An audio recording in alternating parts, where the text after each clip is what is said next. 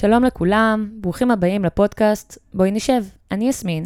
ואני שיר, ואנחנו לא באמת מכירות. שלום שלום כזה. כן, ואנחנו פה כדי לפתוח את הראש, לאתגר את המחשבה ולדבר על הכל מהכל בלי פילטרים. על אמת, כמו ששיחה צריכה להיות. שנתחיל? יאללה. אז uh, הגענו סוף סוף לפרק השביעי יא. של הפודקאסט המדהים שלנו. איזה כיף. שאת פה. כן, כן. זה מרגש אותי כל פעם מחדש שאנחנו מגיעים לנושאים מעניינים, שכל אחת באה ומעלה איזשהו משהו שלא יודעת מה פגשה באותו יום, ובאמת זו פלטפורמה מעולה לבוא ולשתף את הדעות שלנו ואת החוויות שלנו, ואיזה כיף שיצרנו את זה ביחד. כן, ממש. אה, רגע של רגשנות. מה זה? רגע של רגשנות. ממש, אני יכולה ככה ללוות אותנו אל הלילה. פעם אה, כשיצא לי לעשות אה, מיזם עם חברות, אז uh, אני הפכתי להיות הפרזנטורית, כי עם הסרטון הראשון שהם העלו, ואז פעם ראשונה שהעליתי את זה, אז אחותי באה ואומרת לי, מה זה, יסמין, יש לך uh, קול של uh, מדריכה של יוגה. זה מה שאחותי אמרה לי, זה היה, זה היה משעשע מאוד uh, לשמוע את זה, וזה גם נורא מחמיא, כי את לא יודעת איך את נשמעת, אלא אם כן את שומעת את עצמך בוואטסאפ, וזה אלוהים ישמור. כן, אבל אנשים שלא רגילים לשמוע את עצמם בהקלטות זה טראומה. נכון, נכון, אני כבר יודעת כאילו לשמוע את עצמי, אני רגילה לשמוע את עצמי בהקלטות. כן. אה, בגלל המוזיקה, אז, אז זה כבר פחות מוזר לי, אבל, אה, אבל תמיד מפתיע אותי לראות, כאילו תמיד מצחיק אותי לראות אנשים שפתאום אה, מקשיבים לעצמם פעם ראשונה, וזה כזה, ככה אני נשמע, אלוהים שישמור. כן. זה מצחיק ההבדל בין השמיעה הפנימית שלנו למה ששומעים בחוץ. ויש, וזה מעניין מאוד שאמרת דווקא את זה, כי נגיד שיח קבוע שיש לי עם אמא שלי, אמא שלי היא נטורופטית והיא מטפלת. ומשהו שאנחנו מאוד דומות בו, שאנחנו שומעות גם היא וגם אני, גם היא בהפרש, כאילו, שאנחנו 30 שנה, הפרש אחת מהשנייה, אה, זה שהיא באה ומתארת שהיא יושבת עם מטופל, ואימא שלי בן אדם מאוד רציני, היא כל הזמן עושה וזזה ורצה, וכאילו, סנדלר הולך יחף, לא מטפלת בעצמה. כן. ואז כשהיא יושבת עם uh, מטופל, אז הוא אומר לה בסוף הטיפול, שזה אפילו לא משנה מה הטיפול עצמו, הוא לאן הוא יוביל, שהיה לו נורא נעים לשבת איתה, כי יש לה קול נורא מרגיע, והנוכחות שלה מרגיעה. וגם אני וגם היא מאוד מופתעות בקטע הזה, כי גם לי אומרים את הדברים האלה, ומצד שני, בראש, הוא רץ. כאילו, יש, יש, אתה נכנס לאיזשהו טירוף אינסופי עם עצמך, ומצד שני, הבן אדם שיושב מולך דווקא נרגע מהנוכחות הזו. מגניב. כן, שאני חושבת שבתכלס בעולם של טיפול, כל בן אדם צריך שיהיה לו איזושהי נוכחות מרגיעה בצורה כזו או אחרת, אבל גם לא מזויפת. כאילו, יש אנשים כן. שהם מאוד טיפוליים ואנשים שלא. אתן לך דוגמה, עכשיו, אני לא יודעת אם סיפרתי לך, אבל סיימתי את הלימודי שיאצו שלי. יא. אה, ו- כן, אמרת שהיה לך את המבחן עם הקשוחה שדווקא נתנה לך אה, ציון טוב. קיבלתי מאה. יא, כל הכבוד, כל הכבוד. כן. מי שרוצה טיפולים עכשיו, אה, עכשיו יסמין. אני עכשיו במצב ברטור, כן, אני מאמינה. בברטורים, לגמרי תנצלו. זהו, וכאילו, אני, את יודעת, הייתי בכיתה כזה של 20 איש, וכל אחד באמת מביא איזו אישיות אחרת. יש אנשים שאת אומרת, וואו, הם לא צריכים לטפל באף אחד, ויש אנשים שפשוט בנויים לזה, וזה מדהים לראות באמת את המגוון של האנשים גם שמתעניינים ברפואה האלטרנטיבית, ביש דרך לטפל בגוף ובנשמה שלך. בצורה אחרת, וגם זה בעיקר, אני חושבת, ההבנה של החיבור בין גוף לנפש. זה מה שמשך אותי, נגיד, ספציפית בשיאצו. אה, פעם ראשונה שבכלל חשבתי ל- ל- ללכת וללמוד את זה, שהלכתי לטיפול בשיאצו. ואת מכירה את זה שאת עוברת מסאז' ואת אומרת, וואי, איך הוא פספס את הנקודה הזאת, איך היה בא לי שהוא ייגע? בשיאצו זה לא קורה. כי יש נקודות, הטכניקה היא נורא מובנית, וזה מה שמאוד מאוד משך אותי. מעניין, את, יכול, את, אה, את יכולה להסביר נגיד לפי מה יודעים ללחוץ? כן. כי זה משהו שרואים פיזית, שמרגישים. קודם כל גם וגם. ברפואה סינית ספציפית, עכשיו תראי, הרפואה, הרפואה האלטרנטיבית היא מאוד מאוד רחבה, יש המון המון כלים. יש את הרפואה הסינית, יש רפואה אלטרנטיבית שזה בעצם רפואה משלימה. המון אנשים חושבים שרפואה אלטרנטיבית היא באה בעצם להחליף את הרפואה הקונבנציונלית, והיא לא. אני רק, אה, רק לסדר את האוזן, הרפואה הקונבנציונלית זה הרפואה המערבית, הרגילה, שאנחנו הולכים לרופא, או שיש את המנתח, או שאנחנו עושים את הבדיקות דם. עכשיו, הרפואה המשלימה, מה שהרבה אנשים לא יודעים, זה שאת בעצם באה ומקבלת את הנתונים מהרפואה המערבית, אם זה בדיקות דם או אה, חוויות שחווית בעבר, אם זה מחלות מה שזה לא עושה, ובעצם מלבישה על עוד גישה לחיים. ה- הדרך בעצם, לפי הרפואה הסינית, לראות את הנקודות, זה כי אתה לומד בעצם קאטה מאוד ברורה, או מרידיאנים, תלוי באיזה תחום אתה מגיע. באמת ברפואה הסינית זה מרידיאנים. את יכולה גם... מה זה אומר מרידיאנים? מרידיאנים זה בעצם ערוץ אנרגיה שעובר בגוף. אה, יש אה, המון סוגים של מרידיאנים. המרידיאנים העיקריים הם בעצם 12 מרידיאנים שממש מתפרסים לאורך כל הגוף, מלפנים ומאחור, זאת אומרת באזור של הבטן וגם באזור של הגב. ואתה פשוט, והידיים והרגליים. ובעצם מה שה... למה אנחנו מדברים על המרידיאנים האלה? כי כאשר נעשית איזושהי תקיעות, תחשבי על מרידיאן כמו צינור של מים. מהמם. שברגע שיש איזשהו משהו שתוקע אותו, נוצר איזשהו סכר קטן, אז בעצם יש מילוי של המים האלה באזור מסוים. והרפואה האלטרנטיבית ככלל מדברת על איזון. ואנחנו בעצם מחפשים את התקיעות הזאת כדי לשחרר אותה. אז זה, זה יכול להיות חוסר, זה שאנחנו נגיד רואים, את מכירה את זה שיש אנשים, את יכולה להסתכל על זה גם בתור מבנה של גוף האדם, שפתאום יש לו חלק יותר שקוע בגב או יותר אה, אה, פחות שקוע, כאילו יותר. כעור, זאת אומרת יותר מלא. כן. אז בעצם המקור, המ- המקום שלך זה לבוא ולזהות האם זה המבנה הגוף, או שזה באמת תקיעות. וזה בא עם אבחון של הבן אדם, לשאול מה הוא חווה בעבר וכדומה. אה, מה שאני נורא התחברתי, נגיד, ברפואה הסינית, זה שיש המון מקום לרגע של. אתה נוצר בתור בן אדם, הילודה. זאת מהמם. אומרת, באיזה שלב ההורים שלך היו כשהם יצרו אותך?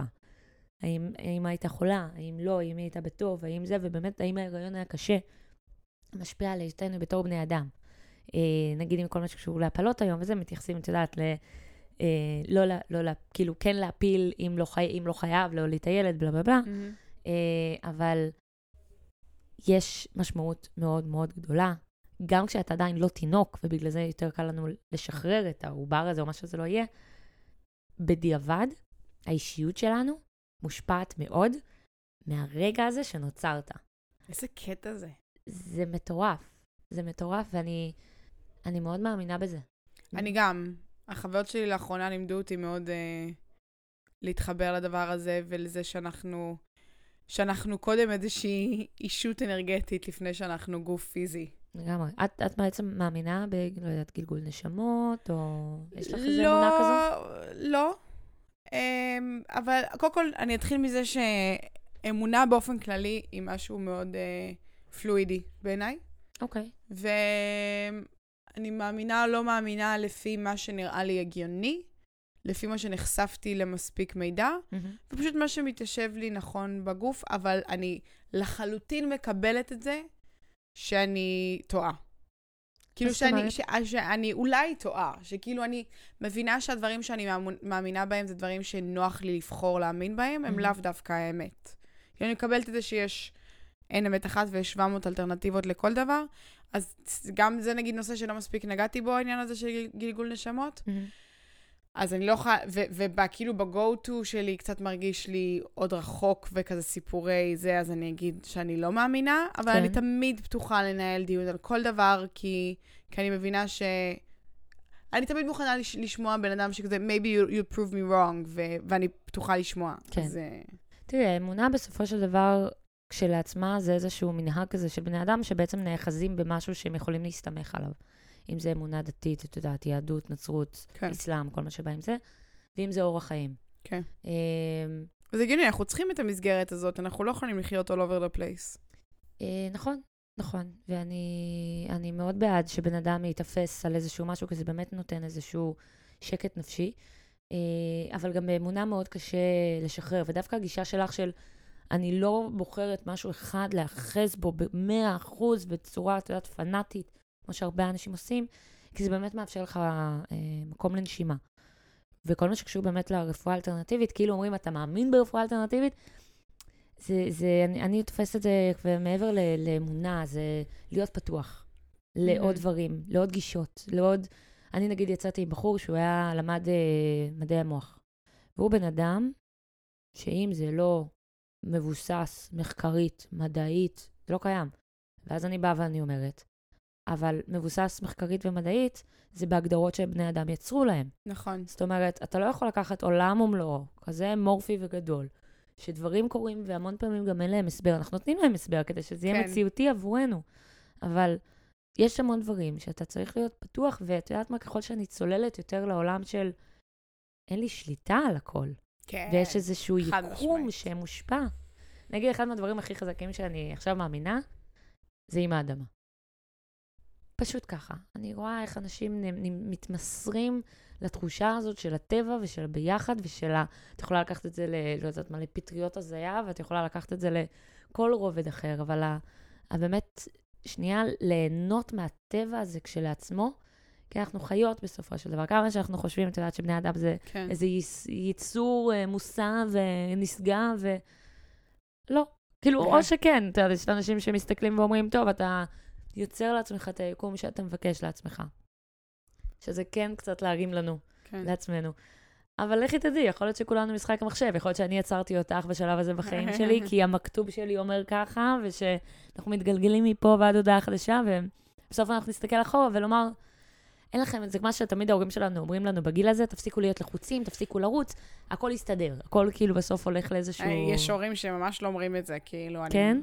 אני, יש לי חברות שההורים שלהם, היה להם תוכנית מאוד אה, ברורה למה הילדים של הילדות שלהם צריכות לעשות, כאילו, ואת יודעת, אני, יש לי מזל שיש לי הורים שפרגנו לבחירות שעשיתי בחיים שלי, אבל אה, יש מלא הורים שיש לי, אח- אחת החברות הכי טובות שלי, אני יודעת שאם הייתי הבת של, של אבא שלה, הוא לא היה מאפשר לי לעשות מוזיקה, בחיים לא.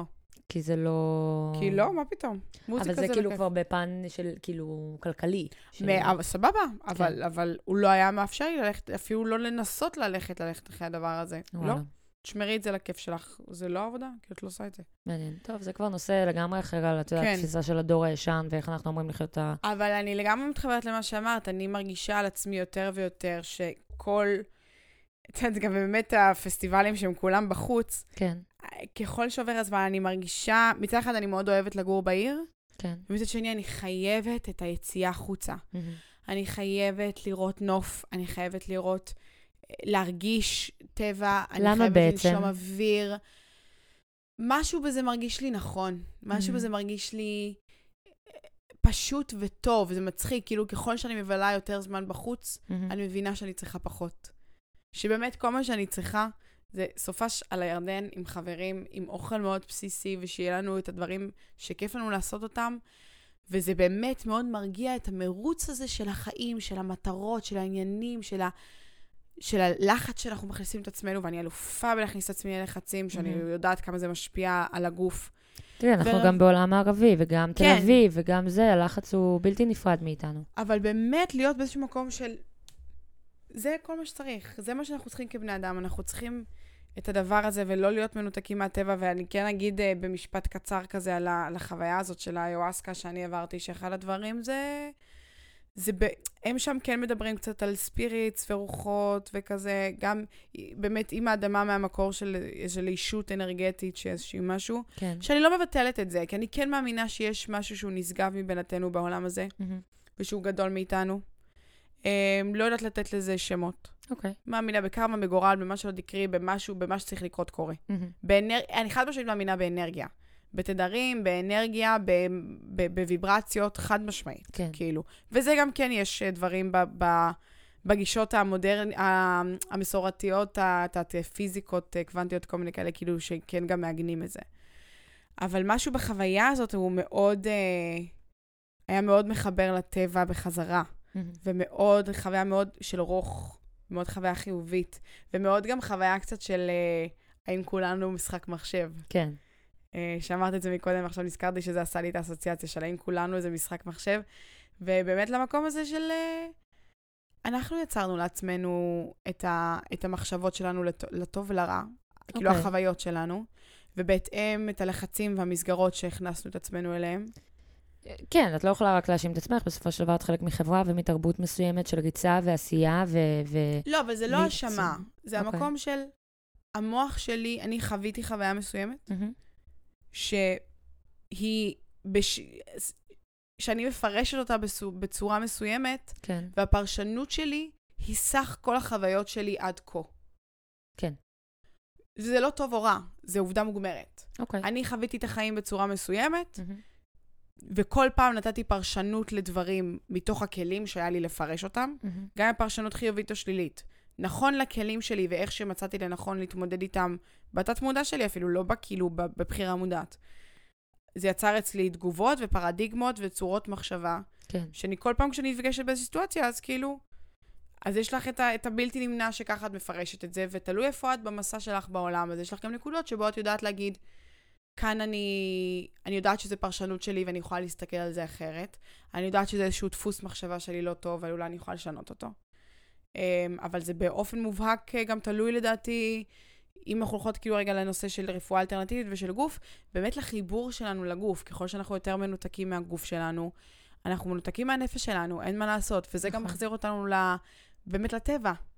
כי הגוף הוא... הוא צריך דברים בסיסיים כדי לשרוד. נכון. מים, טבע, מים, אוכל, אוויר, וזהו, הוא לא צריך יותר מזה. ה mind, mind שלנו כן. מרגיש שהוא צריך יותר. נכון. אה, שזה מאוד מאוד אה, טבעי, ואני באמת, אני, הלוואי וכולנו, לא יודעת, אני חושבת שכל בן אדם בחייו צריך לעבור איזשהו ריטריט בטבע רק כדי לבדוק, שנייה לחזור למקורות שלו ולהנאה שלו. ולכן גם בגלל המשיכה הזאת הנורא טבעית שיש לנו לטבע, כל הרפואה האלטרנטיבית באה ובעצם מכניסה את, את עניין המזון גם כחלק נורא נורא רציני.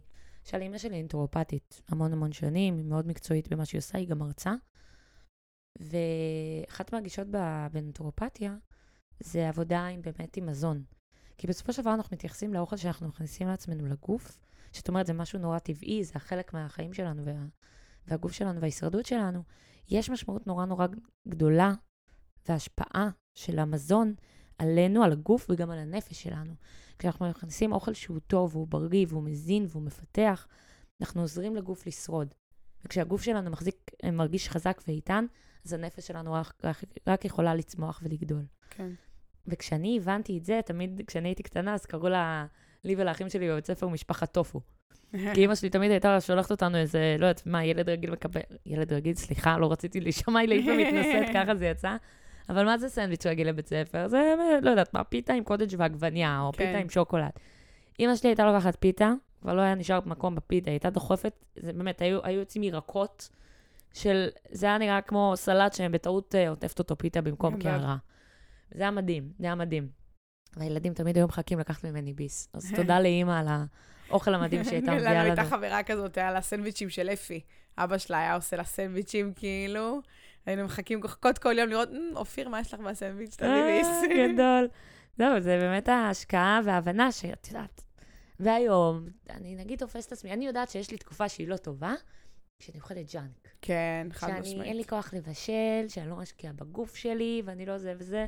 זה ביצה ותרנגולת, מי בקודם? זה שאני במצב לא טוב נפשי, אז אני אה, מענישה את הגוף שלי באוכל נורא, או, ש, או שהפוך. אה, אבל מדהים כמה מה שעל פניו אמור להיות טבעי ופשוט, שזה לאכול את האוכל הטוב, מהמם. כמה הוא דורש מאיתנו הרבה יותר מאמץ ב... במש... בהרגלים שסיגלנו לעצמנו בחברה המערבית.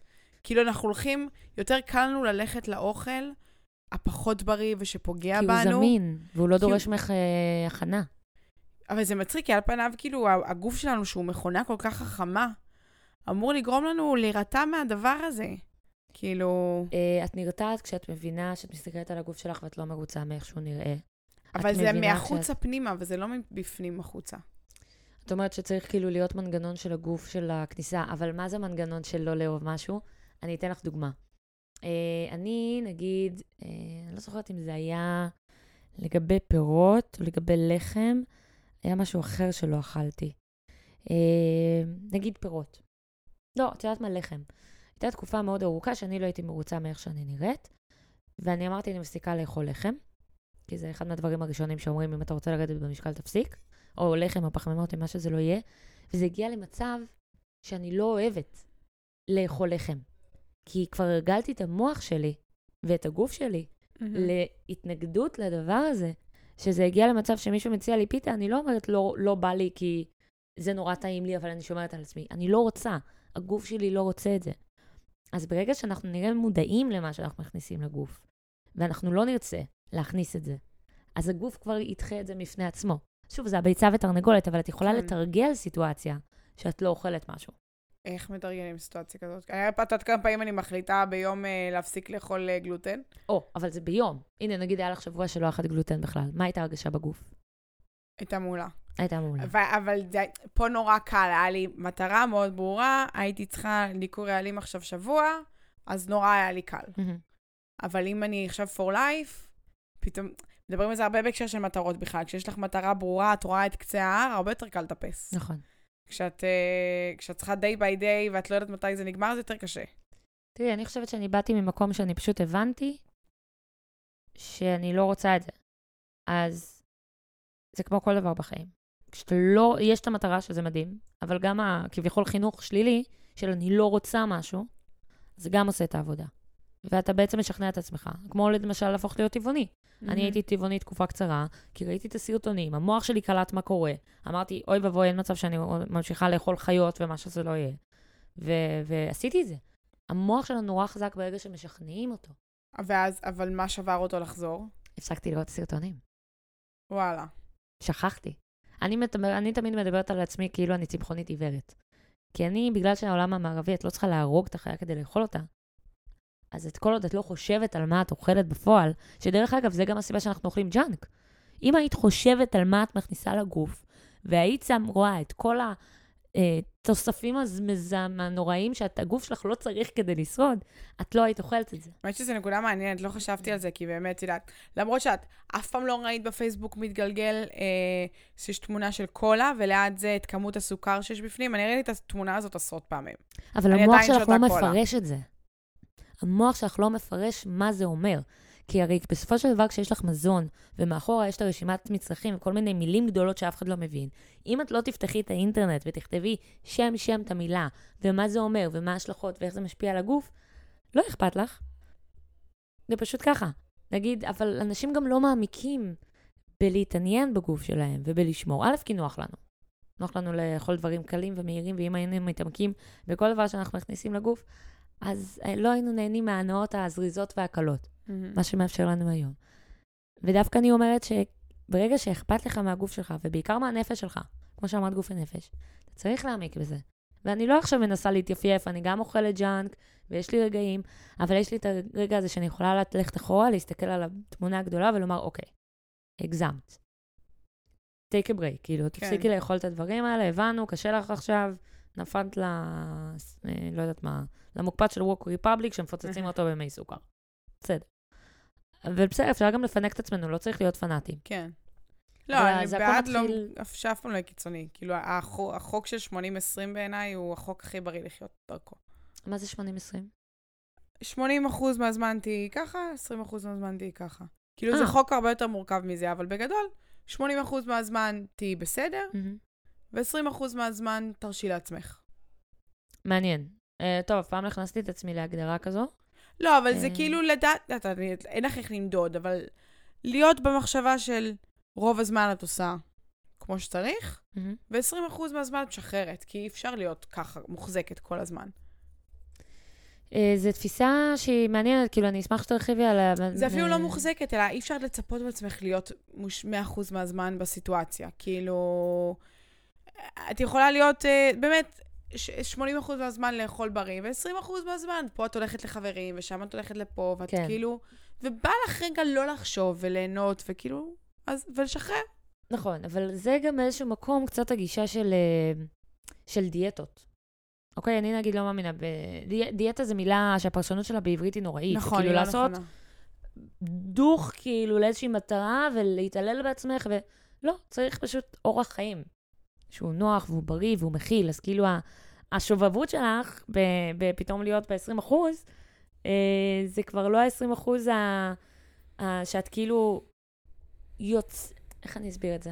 אה, בעצם זו סיטואציה שאת נמצאת ב... באמת שלך, ברגיל שלך, בטבעי שלך, ואת לא צריכה את ה-20% האלה. זה גם נכון, זה גם נכון. ולפעמים יש פיתוי, אבל גם לפעמים יש איזה פיתוי, לפעמים אומרת, יא, בא לי, כאילו. ברור, ואת צריכה לאפשר לך את הבא לי הזה, לגמרי. אז זה להיות ב-20 אחוז. נכון, אבל הבא לי הזה גם יכול להתפרש ב... ב... כאילו כולם יסתכלו עליי ויחשבו, כאילו יצחקו שישמעו אותי ויחשבו שאני סופר היפית, אבל אני מכירה אנשים שמפנקים את עצמם בתמר. מבינה? כאילו מבחינתו ה-20 אחוז זה יאללה, תמר שמונה בערב, יואו, התפרעתי, אני לא ישן בלילה, איזה משוגע אני. מכירה אנשים כאלה, הם קיימים. עכשיו, אני לא אומרת שכולם צריכים להיות, את יודעת, היפים לקפץ בשדות ולאכול דשא כל היום. אבל אם אתה באמת רוצה לעשות שינוי, וזה מחזיר אותנו לתחילת השיחה, אתה צריך להיות עם הראש פתוח. ובגלל זה ברפואה האלטרנטיבית, זה היכולת של אנשים לבוא ולהבין שהכל מתחיל בראש, אתה מזמן לך את מה שאתה רוצה, אתה צריך לעבוד קשה כדי להגיע לפתרונות שאתה, שאתה רוצה לעצמך. גם מה ש... למה אני כל כך מרימה לרפואה האלטרנטיבית? כי אני רואה את אימא שלי, ואימא שלי מגיעים אליה, סליחה, כל המקרי קיצון, מקרי קיצון. שאנחנו ברגיל שלנו, בתל אביב ובעולם המערבי, אנחנו ישר הולכים לרופא, רופא משפחה. אני לא הייתי אצל רופא משפחה מטיפת חלב, לדעתי. ואני לא מגזימה. את הולכת לרופא משפחה, בלה בלה בלה, ונותן לך את התרופה, ונותן את הפלסטר הזה שצריך לבעיה הנוכחית. ולאימא שלי מגיעים כל האנשים שכבר הרימו ידיים מהרפואה הקונבנציונלית. כן. אין פתרון, לא יודעים מה זה. אני אסביר לך עד כמה זה שונה, התפיסה אה, של הנראות. הרי בשתי הרפואות, גם הרפואה הקונבנציונלית, גם הרפואה המערבית, אה, הרפואה האלטרנטיבית, בשניהם יש לך בדיקות דם. את הולכת לרפואה הקונבנציונלית, אומרת, אני צריכה בדיקת דם, ולוקחת את זה לרפואה האלטרנטיבית. הרופא והנטורופטית קוראים את המסמך הזה, אותו מסמך, בשתי דרכים שונות. Mm-hmm. המנעד בעצם של הגרפים וה... איפה את נמצאת על הסקאלה של אה, דברים כאלה ואחרים שיש לך בדם, משתנה בראייה. וזה משפיע על כל התהליך של הטיפול. כי רופא המשפחה יכול לבוא ולומר לך, אין בעיה. ורופא אה, מהרפואה האלטרנטיבית יבוא ויאמר, לא, לא, רגע. יש פה מקום לטפל, לצמוח, וזה, וזה בעצם המקום של לבוא ולהקשיב לגוף. מה כן. הוא צריך. ולא יודעת, אותי זה שווה, וכשאנשים באים ואומרים לי, או מתנגדים באיזשהו מקום בפנים, כי זה באמת ריסקי ללכת לרפואה אלטרנטיבית. גם אני חושבת שמה שהכי מפחיד ברפואה הזאת זה הכסף. כן, נכון, היא תמיד יקרה יותר, וגם אגיד לך מה, זה הכסף, ובנוסף לזה שהתהליך הוא ארוך. נכון, אתה צריך להיות מאוגד. ואנשים רגילים לכדורים, לשבועיים אתה, במקרה הקיצון, כן? כן. את לוקחת שבועיים כדורים, ואת יודעת שאיבנטואלי זה יעבור. כן. כשאתה נכנס לתהליך של רפואה um, אלטרנטיבית, את יודעת שאת כאילו, את, you're in it for the long run. נכון. ואז גם אנשים אומרים, אתה מאמין בזה או לא? לא, כאילו, בסופו של דבר זה רפואה שהיא, אני, אני הכי מאמינה בה, אבל היא באמת... כמו כל דבר טוב בחיים, היא תהליך, והיא לוקחת רגע זמן. נכון. ובעיקר שזה מצחיק, כאילו על פניו, זה מחזיר אותי לשאלה הקודמת שהייתה לי על האוכל, על כאילו, איך יכול להיות שאין לנו מנגנון פנימי שמזהיר אותנו? כן. אז איך גם יכול להיות שאנחנו התפתחנו אבולוציונית ככה, שרוב בני האדם מנותקים מהגוף שלהם.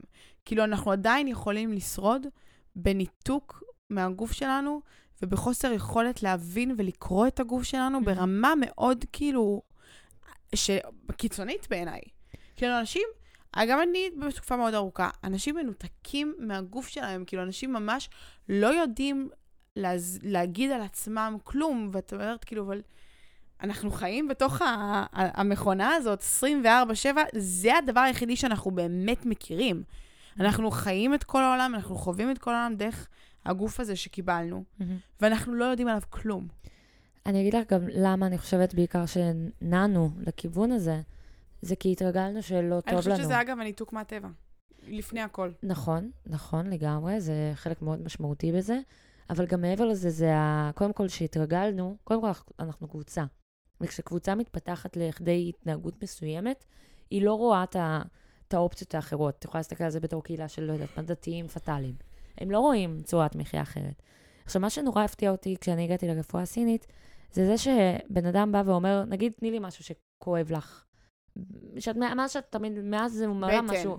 בטן, לי יש בעיות עם הבטן, ואני יודעת שזה מאוד נפשי. בטן מגיל קטן, אבל. אוקיי. תשע. אני זוכרת את ההתפרצות הראשונה שלי בגיל תשע. והיום איפה את עם הבטן? את אומרת, טוב, כואב לי, זה, זה קבוע אצלי. חיה עם זה. חיה עם זה. כן, האקס שלי היה צוחק עליי שאני אלרגית לאוכל. הכל עושה לי רע.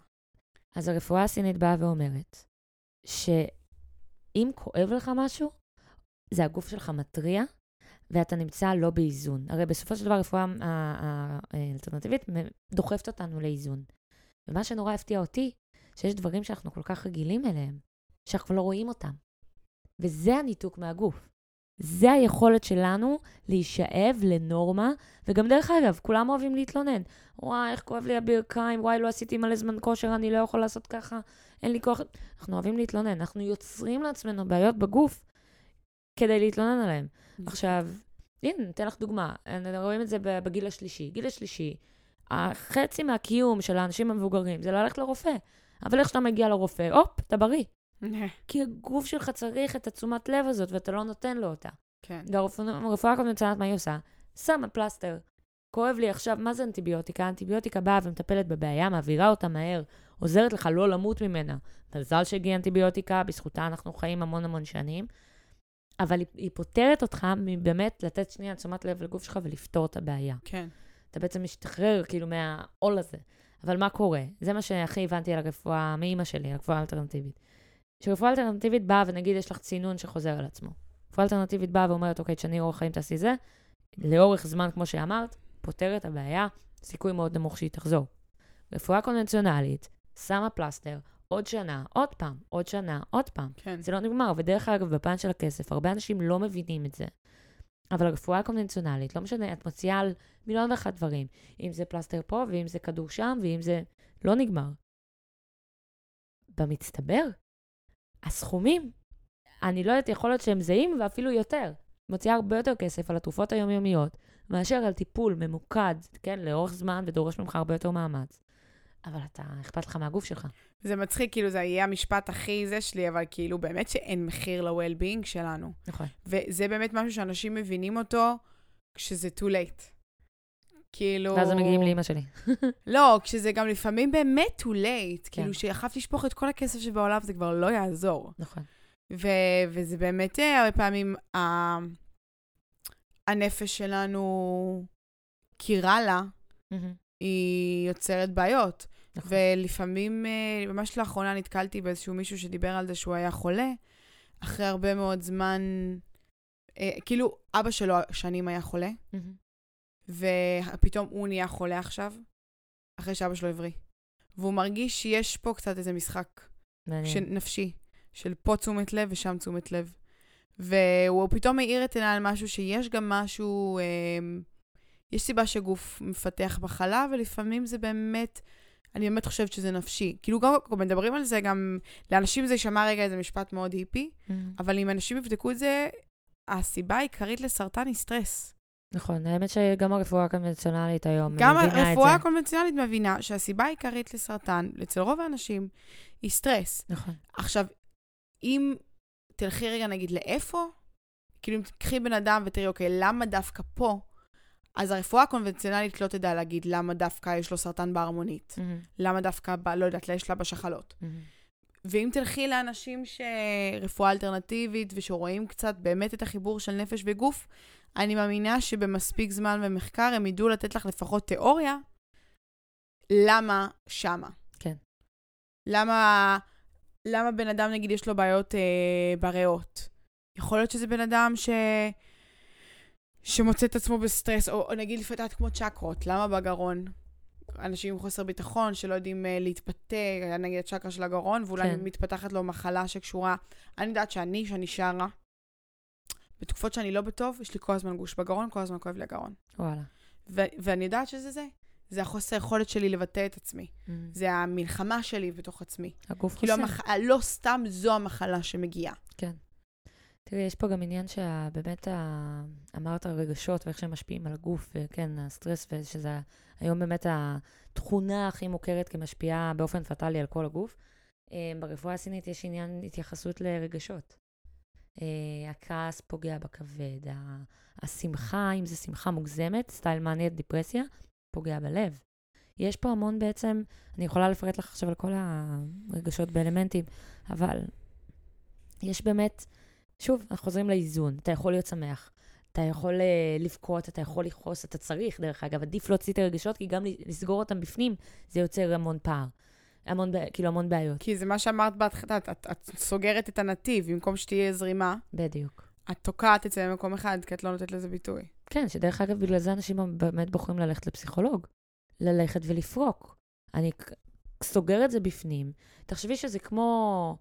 אוקיי, אני הולכת לומר משהו מוזר. אוקיי, אה, הכלב שלי, אה, כשהוא גדל, אז אה, הייתה לי חברה בבית, ואז היא אומרת לי, יסמין, מה, הכרתם כבר את לולי? כאילו, אין לו ביצים. לא יודעת למה העיניים שלה נמשכו לשם, אבל מפה לשם הביצים היו תקועות בפנים, זה נקרא ביצי תמיר, זה יכול להתפתח לגידול סרטני אם לא מוציאים אותם. צריך ממש לעשות אה, הליך כירורגי. אה, וזה גוף זר בתוך הגוף, כן, כי ושיכול זה ליצור אמור סרטן. לרדת וזה לא יורד. כך גם ברגשות. ברגע שאתה עוצר משהו בפנים ולא נותן לו להשתחרר, הוא גדל וגדל וגדל, ובסוף מתבטא במחלה כזו או אחרת. הגוף שלך מבקש שתשחרר.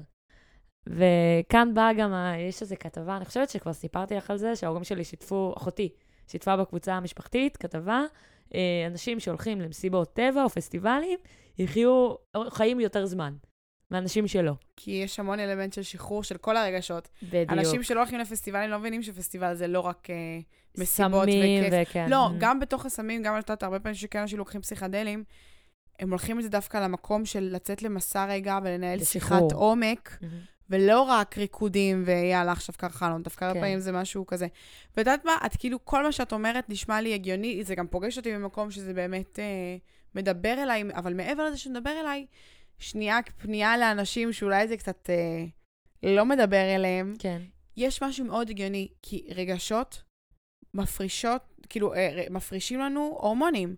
כשאנחנו נכון. עצובים או כשאנחנו שמחים, מופרשים הורמונים במוח. מהמם. ואם מופרשים הורמונים במוח, זה אומר שיש תגובה בתוך כל המערכת, ואם יש תגובה בתוך המערכת, זה אך הגיוני שזה משפיע עלינו פיזית, נכון. כאילו, אין עוררין על זה. נכון. אז אני לא, זה פשוט מצחיק אותי שאנשים מקבלים את זה שיש השפעה נפשית של הרגשות. הם, מקב, Mhm. הם יודעים איך זה להרגיש להיות עצוב, אבל הם לא מקבלים את זה שזה משפיע על הגוף. אבל אם יש, איך יכול להיות שלא? אתם, אתם מושפעים מזה פיזית, אתם עצובים, אז אין לכם כוח, אז אתם עייפים, לא בא לכם לצאת. אז ברור של long run יש פה... אתם, micro dosing של הדבר הזה לתוך הדם, וזה יתפתח אחר כך למשהו, נכון, כאילו. נכון. זה, זה כל כך פשוט בעיניי, וזה כאילו הבנה כל כך בסיסית על איך הדבר הזה עובד, שאני לא מבינה למה אנשים מתרחקים מזה ומתנגדים לזה. אני מבינה, כי כאילו אנשים לא חשופים לזה אף פעם, וגם בו זה לא אינטרס אממ. של הרבה חברות מאוד חזקות. אבל זה אמור, פשוט מחזיר אותו, אבל זה אמור להיות משהו שהוא רוטד בנו. החיפוש הזה ל- ל- לטוב לגוף. כי רוב האנשים רוצים להישאר, את יודעת, בפשטות, בבית שלהם, בדברים שנוחים, לא להשקיע יותר מדי. אנחנו רוצים ליצור כסף כדי שנוכל להאכיל את עצמנו בדברים הפשוטים שקרובים לבית. אה, והבני אדם בכל רובד בחיים, דרך אגב, אנחנו מדברות על זה הרבה בפודקאסט שלנו, אה, פשוט מתרחק מעצמו. פשוט שוכח, אנחנו שוכחים שאנחנו חיה בעולם הזה, לכל דבר. אנחנו מושפעים מעונות השנה, אנחנו מושפעים מהחברה שסביבנו, אנחנו משפיעים מה, מהמטרות שלנו. אז ההרגיע, המטרה שלו זה לצוד היום, נכון, למרות שהלוויה תכלס הולכת... לא. לא, צד. למה? אבל גם הלוויה הולכת לצוד. לא זוכר. כן, האריה יושב לו בנונשלנט. נכון, נכון, הלוויה צד, אבל אריה מחכה שמביאים לו, נכון. נכון, והאריה בעצם רב ושומר על הלהקה שלו. נכון. אה, האריות האלה, אני תמיד אומרים לי, את לוויה וזה, אני אריה, אני אריה, אני... תבוא אליי עם האוכל. תבוא, תקרא לי שמוכן. בדיוק, בדיוק. זו הגישה שלי. Uh, בכל אופן, אנחנו יצורים בעולם הזה, וצריך לקבל את המאוויים הפ... הפנימיים שלנו, ובגלל שאנחנו כאלה יצורים אדמתיים, ולא משנה כמה בן אדם ישקיע, ובכסף, ובבית, ובגדול, וב... בסוף אנחנו, אנחנו מהעפר באנו ומאל העפר נשוב. אז בואו נהיה גם קרובים לעפר בדרך לשם. מהמם, אז אני חושבת שזה מוביל אותנו ממש טוב לפינת ההמלצות. נראה לי שלשתינו יהיו המלצות בכיוון הזה. אוקיי, אז אוקיי. אה, נשמע שיש לך כבר אחת בראש. יש לי אחת בראש, חד אוקיי. משמעית. אה, אז אם אנחנו מתעסקות בטבע, כן. אז אני אמליץ על מקום שאפשר לנסוע אליו, שגיליתי ממש לאחרונה. מדהים. אני פעם הייתי בן אדם רק של צפון, רק של נוף ירוק. אוקיי. בשנים האחרונות התאהבתי במדבר, כאילו עכשיו אני אוהבת גם וגם. מהמם. אבל למדתי לאהוב ופשוט למות מהנוף של המדבר. ולפני איזה חודש הייתי בסריטריט אה, של אקרו, של אוקיי. אקרו יוגה, כן. במצוקי דרגות, שזה ליד ים המלח. אוי, נהדר. ואני לא הכרתי את המקום הזה לפני, מהמם. וזה פשוט מקום יפהפה. כי יש שם גם צימרים וכזה למשפחות, מהמם. ויש שם כזה, יש שם בית קפה אחד במושב, והוא יושב על הנוף, ואת רואה את ים המלח ואת הבריכות הקטנות שיש ליד. מהמם. אחר כך גם אפשר לרדת, ואת יכולה משם לרדת לים המלח ולרדת לתוך הבריכות האלה. וואו, מדהים. אמ, כן. שכאילו זה מים טיפה, גם, זה כאילו מי ים המלח, אבל הם טיפה יותר מתוקים. אה, זה במצוקה, כן, במצוקת הגלות. כן. דרך אגב, זה ים המלח. הים שאנחנו צפים וחם נורא, וזה בריכות ייבוש. וואלה. זה לא ים המלח, זה בריכות ייבוש מובנות, מסודרות, שהמלונות פשוט עליהם. הים המלח כשלעצמו זה מצוקת דרגות, שהוא קצת אה, מתוק. אז אני ממליצה לאנשים, וזה כלום, זה שעה מתל אביב ב- בלחץ, משהו, או שאני מגזימה. לא, הגזמת, יותר? שעתיים-. זה לא היה שעתיים, נסענו פחות משעתיים. בעצם זה, ים המלח זה יורדים מירושלים, אז אולי שעה וחצי, אבל כן, זה הרבה זמן. בוא, זה, זה, אתם יכולים להרשות לעצמכם את הנסיעה הזאת? בואי, אנחנו כן. בישראל, מי צריך עכשיו? כן. אה, אנחנו- זה לא שהנסיעה אה, זה תשע שעות. אז אני ממליצה על אה, פעם הבאה שאתם יוצאים לטיול, למצוקי דרגות. מדהים, מדהים. אה, תודה לך על ההמלצה.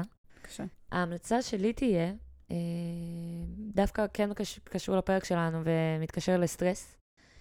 אני יודעת שאם אני רוצה להתחיל את היום עבודה שלי, כמו שצריך, עם הראש על הכתפיים, בלי להתפזר, אז אני, וגם בלי להלחיץ את עצמי שאני לא מרוכזת, אני, אני בעיות קשב וריכוז קלאסי. אמנם ADD, לא מזהים אותי ברחוב, אני לא איזה היפית שדופקת על, אה, אה, היפר שדופק על קירות, אבל uh, אחד מהדברים שמרכזים אותי לכדי יום רגוע של עבודה יעילה, זה לפתוח את היום ולכתוב. לוקחת עשר דקות בבוקר, יש אנשים שמעדיפים לכתוב בלילה, אני בבוקר. מוציאה את כל הדברים שרצים לי בראש, על הדף, לא משנה מה. אם זה בן אדם עכשיו שעבר ברחוב ותפס לי את התשומת לב, או החתול שעשה ככה, או מה שחלמתי בלילה, או הריב שהיה לי עם החברה ערב קודם. מוציאה את כל הדברים שעוברים לי בראש לדף. באמת, משקיעה כמה דקות עם הכוס קפה, אני עושה את זה בדרך כלל בבית קפה, יושבת כותבת, ואז מתחילה את היום עבודה. זה. מכניס אותך ליום הרבה יותר רגוע ושקט, ואני ממליצה באמת לכל אחד שתהיה לו איזו מחברת של אה, כתיבה. אישית. יש, בדיוק. אה, זה נקרא דפי בוקר. יש מישהי שיש לה ספר, שג'וליה משהו, שיש לה ספר שנקרא דרך האומן, וואלה, שהוא כאילו כל מיני תרגילים אה, וכזה אימון מחשבתי לאנשים, לאומנים כאילו. ואחד התרגילים שלה זה דפי בוקר. איזה קטע. כאילו, זה אפילו למלא כזה שלושה דפים, משהו כזה, והיא באמת לא להסתכל על זה אחר כך. כאילו, תשפוך, תקיא את זה, תשים את זה בצד ו- ותתחיל את היום שלך. אם היית רואה את הכתב שלי, גם לא היית אומרת ששווה לחזור ולראות אחר כך, כי הוא לא קריא, בעיקר כשאני רושמת אמוציונלית, אז כאילו, לגמרי. גדול. מהמם. יאללה, מה זה מעניין היום? כן, גם לי, ממש. כזה, גם מרגיע גם. אה, הנה, הכל, זה הכל עובד, כן. איזו סגירת מעגל. בוא ניסע. בוא ניסע ל... אה, אני נוסעת עוד יומיים לים המלח, יאללה. יאללה, אה, נו, כן, כולנו, כולנו במדבר בסופה של זה. כן, מדהים, ככה נפרדים מהקיץ. או מתחילים את החורף, במדבר. כן. יאללה. צ'או.